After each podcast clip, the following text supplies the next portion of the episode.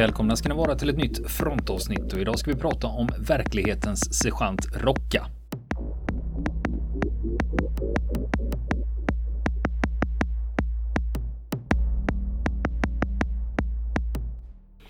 Ja, just det. Okänd soldat. Har du eh, läst boken eller sett filmerna? Ja, boken läste jag nog på 80-talet Mm. eh, och sen det kom en film 85 Just det. som jag har sett och sen Just kom det. det en förra året. Var det Ja, 2017? 2017 kom den senaste. tredje och senaste inspelningen av. Den stora påkostade. Just det. Precis. Och det, det tänkte jag på just, Mm. det var mycket snack inför den här filmen, liksom, hur behandlar du ett sånt nationalepos som Mm. Väinö Linnas Ja, Okänd soldat? just Liksom. det. Jajamän. Det, var ju, det är ju känsligt det där och det är ju ett högriskprojekt för en eh, filmproducent att ge sig in i detta. Om det inte blir bra. Ja, risken är ju att vi har ju sett, jag har ju sett många exempel på krigsfilmer. Mm. Jag tittar på krigsfilmer. Gör du? Va? That's a first. Nej, men ibland så vet man att en del har spänt bågen lite väl högt. Visst. Speciellt när det gäller vissa historiska skeenden. Jag vet Ja. ja. häromåret då när man då, de hade ju håsat upp den här Dunkirk. Mm. Eh, Christopher Just. Nolans eh, film Jajamän. då. Liksom. Han var ju Mm. superregissör och liksom, Ja. folk hade ju förväntat sig Enorma förväntningar liksom på detta. Något som liksom slaget om Storbritannien eller liksom någonting. Ja, En, en- eh, mastodontfilm. 300 000 statister och, Ja. och så. Så jag Ja. vet, jag vet att det var jättemånga som blev besvikna, men sen vet jag att det finns många som gillar den också. Mm. Ja, som jag, tyckte det var en fullkomligt lysande film. i sin, Dramaturgiskt eh, sett. Ja, nej men det, Ja, den känns ju lite avskalad också. Ja, Trots den här båtarmadan. mm, just det. Mm. Och det, där lyckas de ju få fram det här som är den här känslan av att, och du ser ju ofta aldrig, oftast inte fienden. Du ser ju oftast inte vem det är som skjuter på dig. Nej, det var väldigt få Ja. Wehrmacht-uniformer. Ja, visst, precis. Och det, det, det är ju någonting som många veteraner vittnar om att det är, det är väldigt sällan du ser varifrån skotten kommer. Liksom, Det är lite det som är Ja. idén. ja, ja, jo det är ju det. Det är ju det. Ja. Ja, men nu var det Mm. okänd soldat. Ja, okänd soldat, ja precis. Och alltså det, den är ju oerhört omtyckt både som bok och, eh, och, och filmer. I synnerhet i Finland då naturligtvis. Är det ju där, eh, och det har ju flera orsaker då. Att, eh, förutom då att det, det är en bra bok och, och så vidare. Så när den kom då, boken, i Finland, det var 1954 den kom ut första gången.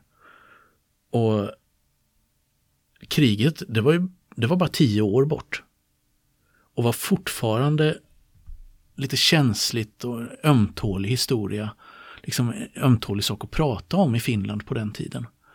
Var det därför att det här var liksom, forskningen hade inte börjat ta tag i, i de här händelserna för de låg så nära i tid. Och ehm, skuldfrågan kring det här kriget var inte heller bearbetad riktigt. Och vad som hade hänt och vems ansvar det var. Liksom, var det rätt att kasta sig in i ett nytt krig mot det stora Sovjetunionen och då på liksom samma sida som Tyskland och så vidare. Det var många frågor kring det här då som man fortfarande inte hade börjat diskutera på allvar. Ja, för det är ju så här, Mm. eh, jag märkte när jag pratade med folk om sådana här saker, att eh, ja, vinterkriget, det känner ju folk till. Mm. Men sen så säger man, ja, så var det ju fortsättningskriget. Och de bara, jaha. Ja, det, det är att man, Redan där började det, det liksom, ja, det blekna bort. Nej, ja. vinterkriget är känt liksom Ja. och väl förankrat i, Ja, medvetandet, i, i medvetandet hos Ja. allmänheten. Men sen det här med fortsättningskriget och Mm. okänd soldat utspelar ju sig under fortsättningskriget. Mm, precis, precis. Det är ju det den gör. Och eh, alltså boken kom ut då vid jultid 54 då och eh, fick väl då ett bo- i huvudsak positivt bemötande, alltså den blev, den blev snabbt populär. Och redan året därpå så kom den första filmen som var baserad på, på boken då.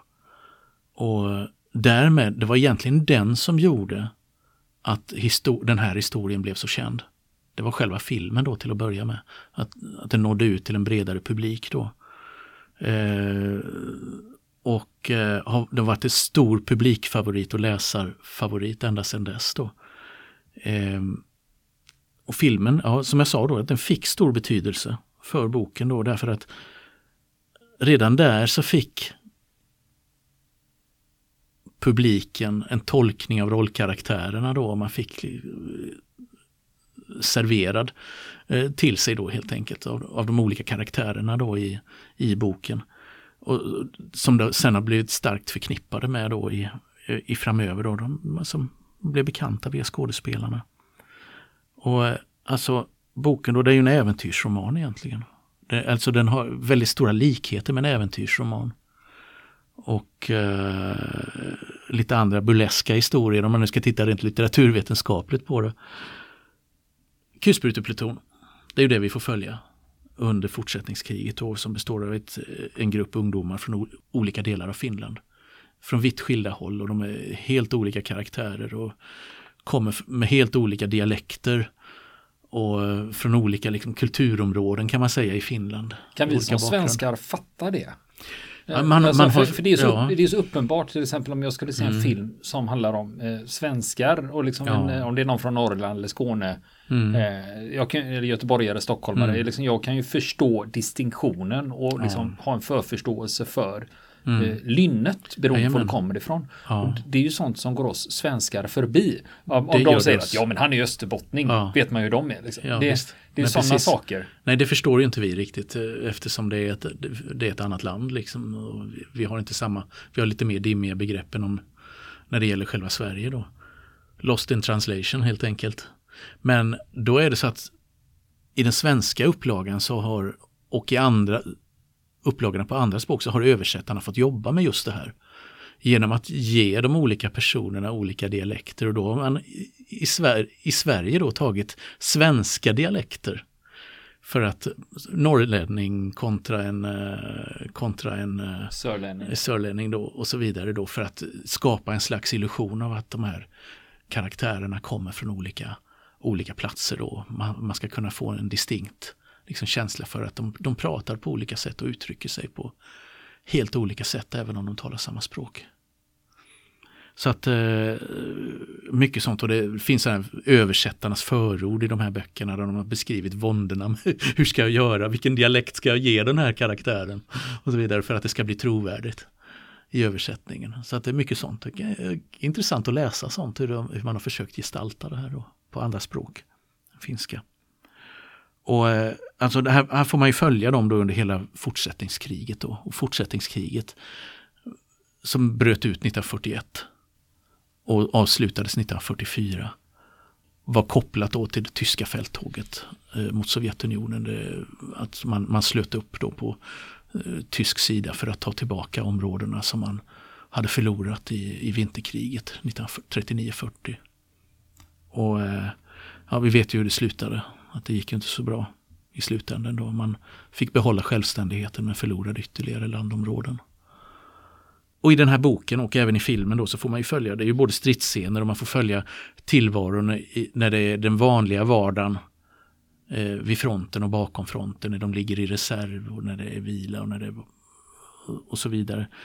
Och hur det, eh, de här äventyrligheterna, man ska skaffa mat och, och kvinnor och och det blir ganska komiska scener ibland i den, i den här boken. Och det är mycket, mycket sånt här välsmort munläder och käbbel. Kamraterna emellan och med överordnade. Då som man också får följa då i, i boken. Då. Men det, det som är lite udda då jämfört med många andra berättelser är att den har egentligen ingen huvudperson. Det finns ingen huvudperson i boken. Eller i de två första filmerna. Den från 55 och den från 85. Utan man får följa hela gruppen. Gör man det liksom som en kollektiv rulle då. Jag vet inte om du har tänkt på det. Men, eh, Nej, ja. men det är ju ganska mm. nyskapande. Ja, och, precis. Det är lite Band of Brothers. Ja, precis. Fast det här är ju ja, och det 50 gjorde, år innan. Liksom. Precis. Det, det, här, det här gjorde finländarna redan, redan på 50-talet. Eh, gestaltade på det här sättet. Det, det, enda som finns då det är en samling färgstarka personer som då har blivit kultfigurer i Finland. Då som, som Koskela och Hietanen och, och Lahtinen och Honkajoki och Rocka. Och det är Rocka vi ska prata om, tänkte jag idag. Därför att i den senaste filmen, filmatiseringen från 2017, så har man mejslat ut Antero Rocca, den, en av de äldsta då i den här plutonen. Om han inte är, är äldst, jag tror han är äldst av dem. Eh, för han är bra mycket äldre än de andra. Eh, och där har man ju mejslat ut det och gjort honom till en huvudrollsinnehavare egentligen. Så att han står ut framför de andra i, i den här, eh, i den här eh, eh, senaste filmatiseringen. Då. Och det var ju ett, man kan säga, och det var ju ett knep som, eh, som lyckades då, eh, som både kritiker och publik uppskattade. Eh, därför att han är ju en oerhört färgstark och egensinnig person då, Rocka i, i, i den här i, i boken och filmen. Då. Jag tänkte att det är lite intressant då att titta på vem är Rocka? Vem var verklighetens Rocka? För han hade en förebild i verkliga livet som Linna använde sig av när han skrev, skrev den här boken på 50-talet. Men Rocka i boken då, han är, han är liksom en arketyp för den finsk, finländska kulturen. Han är liksom en person som, han tar inte skit. Gör han inte. Han är eh, väldigt jordnära. Han säger ifrån, han, han struntar i om det är en överste som står framför honom eller vem det än är. För han är helt orädd säger han vad han tycker. Det låter lite som mm. Porta i Sven Hassel-böckerna. lite, lite, så gör han. Och, ehm, och ehm, han är då i boken i eh, 30-årsåldern en eh, bonde från Karelen i eh, östra Finland, dåvarande östra Finland. En Familjefar, fru och tre barn. Och han är ju äldre än de flesta då i, som är i, i fronttjänst då vid den här tiden. För de andra är ju unga pojkar, 18-20-årsåldern är de ju. Och eh, han har redan frontveteran. När man möter honom i boken, för han har varit med i vinterkriget. Och blivit en härdad och duglig soldat. Där. Och, ehm, och eh, sen då får man följa honom då eh, som, eh, som undersergeant eh, som det heter i det finska systemet. Eh, och hans öden och äventyr då när han till exempel fångar en sovjetisk kapten. Och eh, hur, hur han utplånar en hel fiendestyrka med hjälp av sin maskinpistol. Kulsprutepistol som vi säger på svenska. Rikssvenska. Och eh, ja, han är ju inget föredöme när det gäller disciplin. Då. Han är ganska ostyrd och oregerlig och eh, till förargelse, visar ingen respekt mot överordnade som jag sa, väcker allmän förargelse och hamnar i konflikter. Eh, framförallt då med kompanichefen Lammio som är en riktig typ. Då, och pedant. Och, eh, men ett par officerare kom han ändå överens med då som Koskela, löjtnant Koskela och kapten Kariloto. Och eh, sen mot, alldeles i slutet av kriget, då, 44, så blir han sårad och försvinner ur eh, berättelsen. Då. Jag blir jättesugen på att läsa den här mm. boken igen. Alltså, ja, det tycker jag du ska göra ja, i så fall. För att den, är, den kan man läsa hur många gånger som helst. Ja, men ibland är det roligt om man plockar upp böcker som man inte har läst på väldigt, mm. väldigt länge och får en helt ny upplevelse. Tyvärr mm. så är det ofta de här böckerna som jag fick en väldig upplevelse av kanske för 20-30 mm. år sedan och sen när jag läser dem idag så bara, aha, mm. var det inte mer? Nej, just det. Man, ibland är det ju så med en del, både böcker och filmer, att man, man vågar nästan inte gå tillbaka till dem igen för man är rädd att bli besviken. Är det? Ja, så det, nej, men, det, det, men, ja. nej men jag tror ändå man... Någonting som man hade en stor upplevelse av att wow, det här var, och sen, som du säger, va? Jaha. Var det bara så här? Jag vet ju när jag läste ja. Okänd soldat första gången, jag var inte mm. så gammal. Nej. Heller. Eh, och mm. Jag tror att jag skulle uppleva den, uppfatta den på ett helt annat sätt idag. Mm. Jag tror jag läste den i högstadiet första gången. Jag ja. lånades på skolbiblioteket. Ja, det är ofta ja. i skolbiblioteket. Varenda, ja. boken om krig de hade. Det var typ Väinö Linnas Okänd soldat. typ. Och sen den där andra med Orcher, vad heter den? Sagan om, Tor Sagan om ringen. Sagan om ringen. Ja. Eh, men sen, alltså i boken då, så, han framstår som väldigt pragmatisk ändå. Han, eh, han slåss inte för att döda egentligen. Och han slåss inte för att han hatar fienden då, ryssen. Utan enligt honom själv så har man bara, två val och det är att döda själv eller bli dödad. Och han är ingen stor tänkare direkt. Framstår han ju inte som då, utan det, det här med krigets moral och andra spetsfundigheter, det får andra fundera på. Det är ingenting för honom. Och eh, han slåss för sin hembygd, han slåss för sin gård på Karelska näset. Ja, det stod ju på spel. Ja, exakt. Och eh, hamnar då vid ett helt annat frontavsnitt då. Vid Svir i Fjärrkarelen. Alltså norr, längre norrut då. Eh, och undrade undrar vad, vad i helskotta han har där att göra. För det är ju inte det här han slåss för. Nu är han ju inne på främmande lands område som erövrare.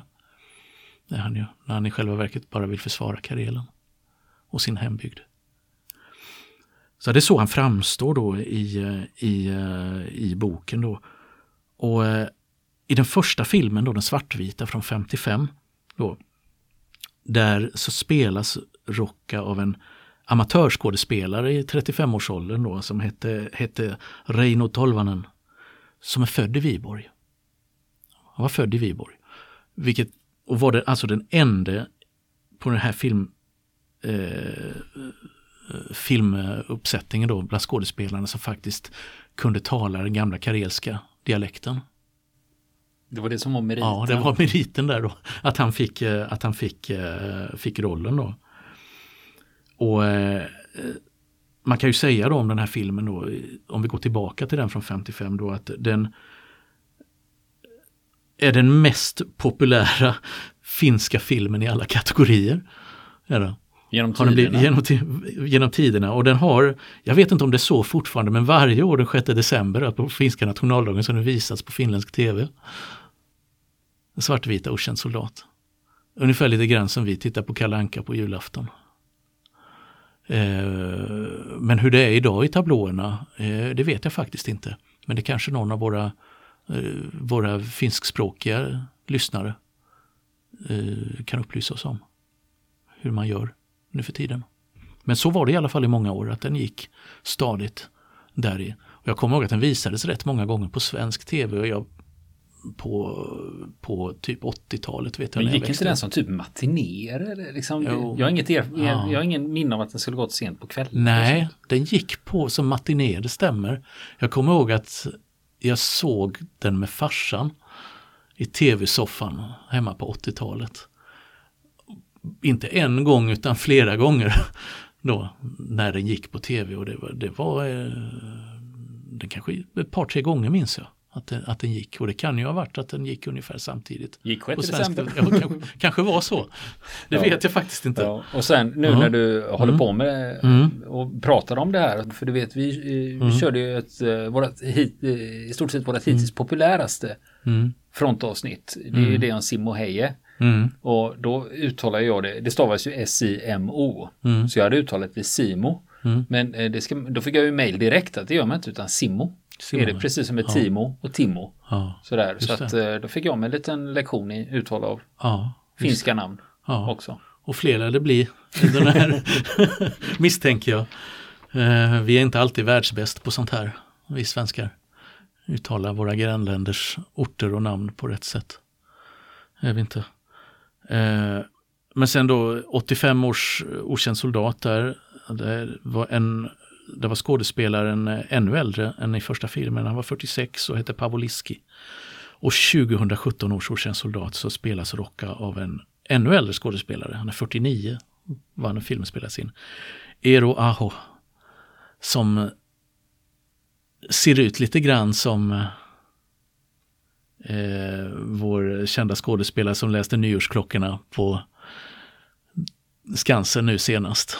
Persbrandt. Persbrandt liten, eh, nej de är inte identiska, men det är någonting över dem i, i, deras, eh, i deras uppsyn som gör att man påminner lite om Persbrandt. Gör. Tycker jag i alla fall. Nu kommer jag väl få lite ris för att jag säger det. Men, men, men, det får vi ta. Men frågan är då, äntligen efter denna långa, liksom vindlande inledning, alltså vem var den riktige anti-rocka? För det fanns en person faktiskt som var för, förlagan. Det fanns inte bakom alla karaktärerna i den här i boken. Så fanns det inte utan de flesta var påhittade liksom utifrån. Att man hade, han hade eh, uh, Väinö Linna hade dragit ihop ett antal uh, egenskaper liksom eller hittat på karaktärer och tagit, snott lite här och snott lite där för att skapa, skapa olika karaktärer, men ett par, tre personer är hämtade direkt ur verkligheten. Och Antero Rocca är en av dem. Den främsta av dem. Och då är det så att i en bok som kom ut för drygt tio år sedan så berättar en av Väinö Linnas vänner, Jaakko Syrja, att förebilden till Rocca, han hette William Pylkes. Och det var en småbonde, precis som Rocca. Och eh, det var bara han, hans ständige följeslagare, eh, vars namn jag har glömt just nu i ögon, detta ögonblicket, Suen, ja, hans ständige följeslagare Suen och Koskela som hade verkliga förebilder. Och hur vet vi detta då, att detta stämmer? Jo, det finns ett brev bevarat från 1955 som Linna skrev till William Pylkes. Och där han, där han skriver att du är förebilden för Rocka i boken. Eh, som, som du har märkt så har jag ändrat händelserna, plane, eh, placerat dem på andra platser och inte i kronologisk ordning. Eh, men sån är romanens natur. Men eh, jag är liksom sann i sak. Han skrivit då ungefär i det här brevet. Så att där har man ju the smoking gun då, att det faktiskt, för det har varit spekulationer mycket, vem är det? Och det finns en kandidat till nämligen, som vi ska återkomma till. Mm. Men om Sen, Linna själv har skrivit ja, ett brev till honom, det är du som är ja, raka? Exakt, exakt. Men det här, det här har ju kommit fram först på sistone. Då har det gjort. Det här, eh, det här brevet det har ju inte varit känt alltid, så att säga. Men William Pylkes då, född 1912, var han i Karelen och eh, växte upp i en fattig familj. Eh, bondfamilj. Eh, och eh, i början av 30-talet, 1933, så blev han inkallad då i den fin finländska armén, göra värnplikt. Utbildades till kulspruteskytt på Maximkulsprutan då som var standardkulsprutan i den finländska armén. Mm, på 30-talet och 40-talet. Och när han är färdig med militärtjänsten 34 då, efter ett år så, eh, så eh, återvänder han hem då till bondgården i Sakkola där han, där han bodde. Och eh, Hans liv det flyter på obemärkt i princip fram till då hösten 39. När stormmolnen börjar hopas. Och det ser ut som att krig hotar med Sovjetunionen. Och innan det här krig, vinterkriget bryter ut och så sker det, sker det en mobilisering. Som man kamouflerar som eh, repövningar. Från finländsk sida för att inte provocera ryssarna då. Eh, och han tillhör då, Pylkes tillhör en av de soldater som, som mobiliseras och han hamnar i en eh, sjätte självständiga bataljonens kulsprutekompani som är eh, grupperat på Karelska näset och består då av pojkar från Karelen. Och eh, det blir ju oerhört dramatiskt naturligtvis som det blev för många av de som deltog i det här kriget. Vinterkriget då. han deltar i, ett, i en stor strid vid Kelja, vid Vuxen. Och då är han nästan på sin egen gårdsmark. Så nära är han, har han hem. Då, eh, där, han, där han slåss. Då. Och det, den finska bataljonen då, som han tillhör, avvärjde ett anfall av en hel sovjetisk skyttedivision, fjärde skyttedivisionen. Men eh, ryssarna de har lyckats skapa ett brohuvud där över vattendraget. Och ett brohuvud, alltså de har fått fotfäste. För de som inte vet vad ett brohuvud är, de har fått fotfäste på andra sidan det här då. Med, eh, för att kunna skeppa över soldater, förstärkningar, militär utrustning, utvidga det här och anfalla vidare. Då. Så att man slår ut naturliga hinder på det sättet helt enkelt genom att ta sig över.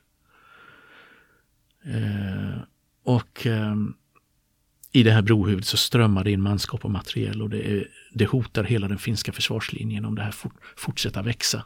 Och att ryssarna ska kunna anfalla ut ur det här brohuvudet och, eh, och fortsätta in i Finland. Så det, här, det gäller att vi måste slå ut det här brohuvudet. Vi måste köra tillbaka eh, ryssarna ut i vattnet, ut på isen härifrån. Utplåna brohuvudet. Så den här bataljonen han tillhör den får order om att anfalla brohuvudet och tvinga tillbaka ryssarna till andra sidan av vattendraget där vid Suvanto-sjön. Och eh, den 27 december 1939 på morgonen så inleds anfallet. Och ryssarna de har hunnit befästa sina försvarsställningar. De har hunnit gräva ner sig och bygga värn och, och eh, är beredda på att ta emot ett fientligt, ett finskt, finländskt anfall. Då.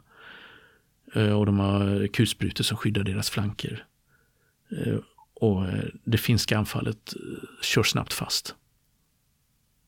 Men redan inom en timme så gör bataljonen ett nytt anfall. Och andra förband också. Eh, och den här gången så går det bättre då. De bryter igenom och det ryska försvaret kollapsar. Och de överlevande ryssarna flyr ut över, eh, över sjöns is. Tar sig därifrån och det finska artilleriet skjuter för fullt på isen då. Öppna vakar och hela grupper av soldater drunknar i de här vakarna då under flykten. Och, eh, men det är en ganska dyrköpt seger ändå för, för eh, eh hans bataljon då. För att eh, de har förlorat då 100 sårade och 52 stupade i den här striden. Har de gjort. På bara några timmar. Mm. För det är ofta det, när, du, mm. när du pratar om brohuvud, Mm. Då pratar man ofta om det eh, när det inte är is. Ja, just det. Utan då, då är det väldigt speciellt det där med att Exakt. då blir det ju som ett, vattnet blir som ett hinder. Exakt. Om det nu, nu nämnde, mm. handlar det om en sjö eller en flod. Mm. Det här var en sjö vid det här tillfället. Ja, precis, för, ja.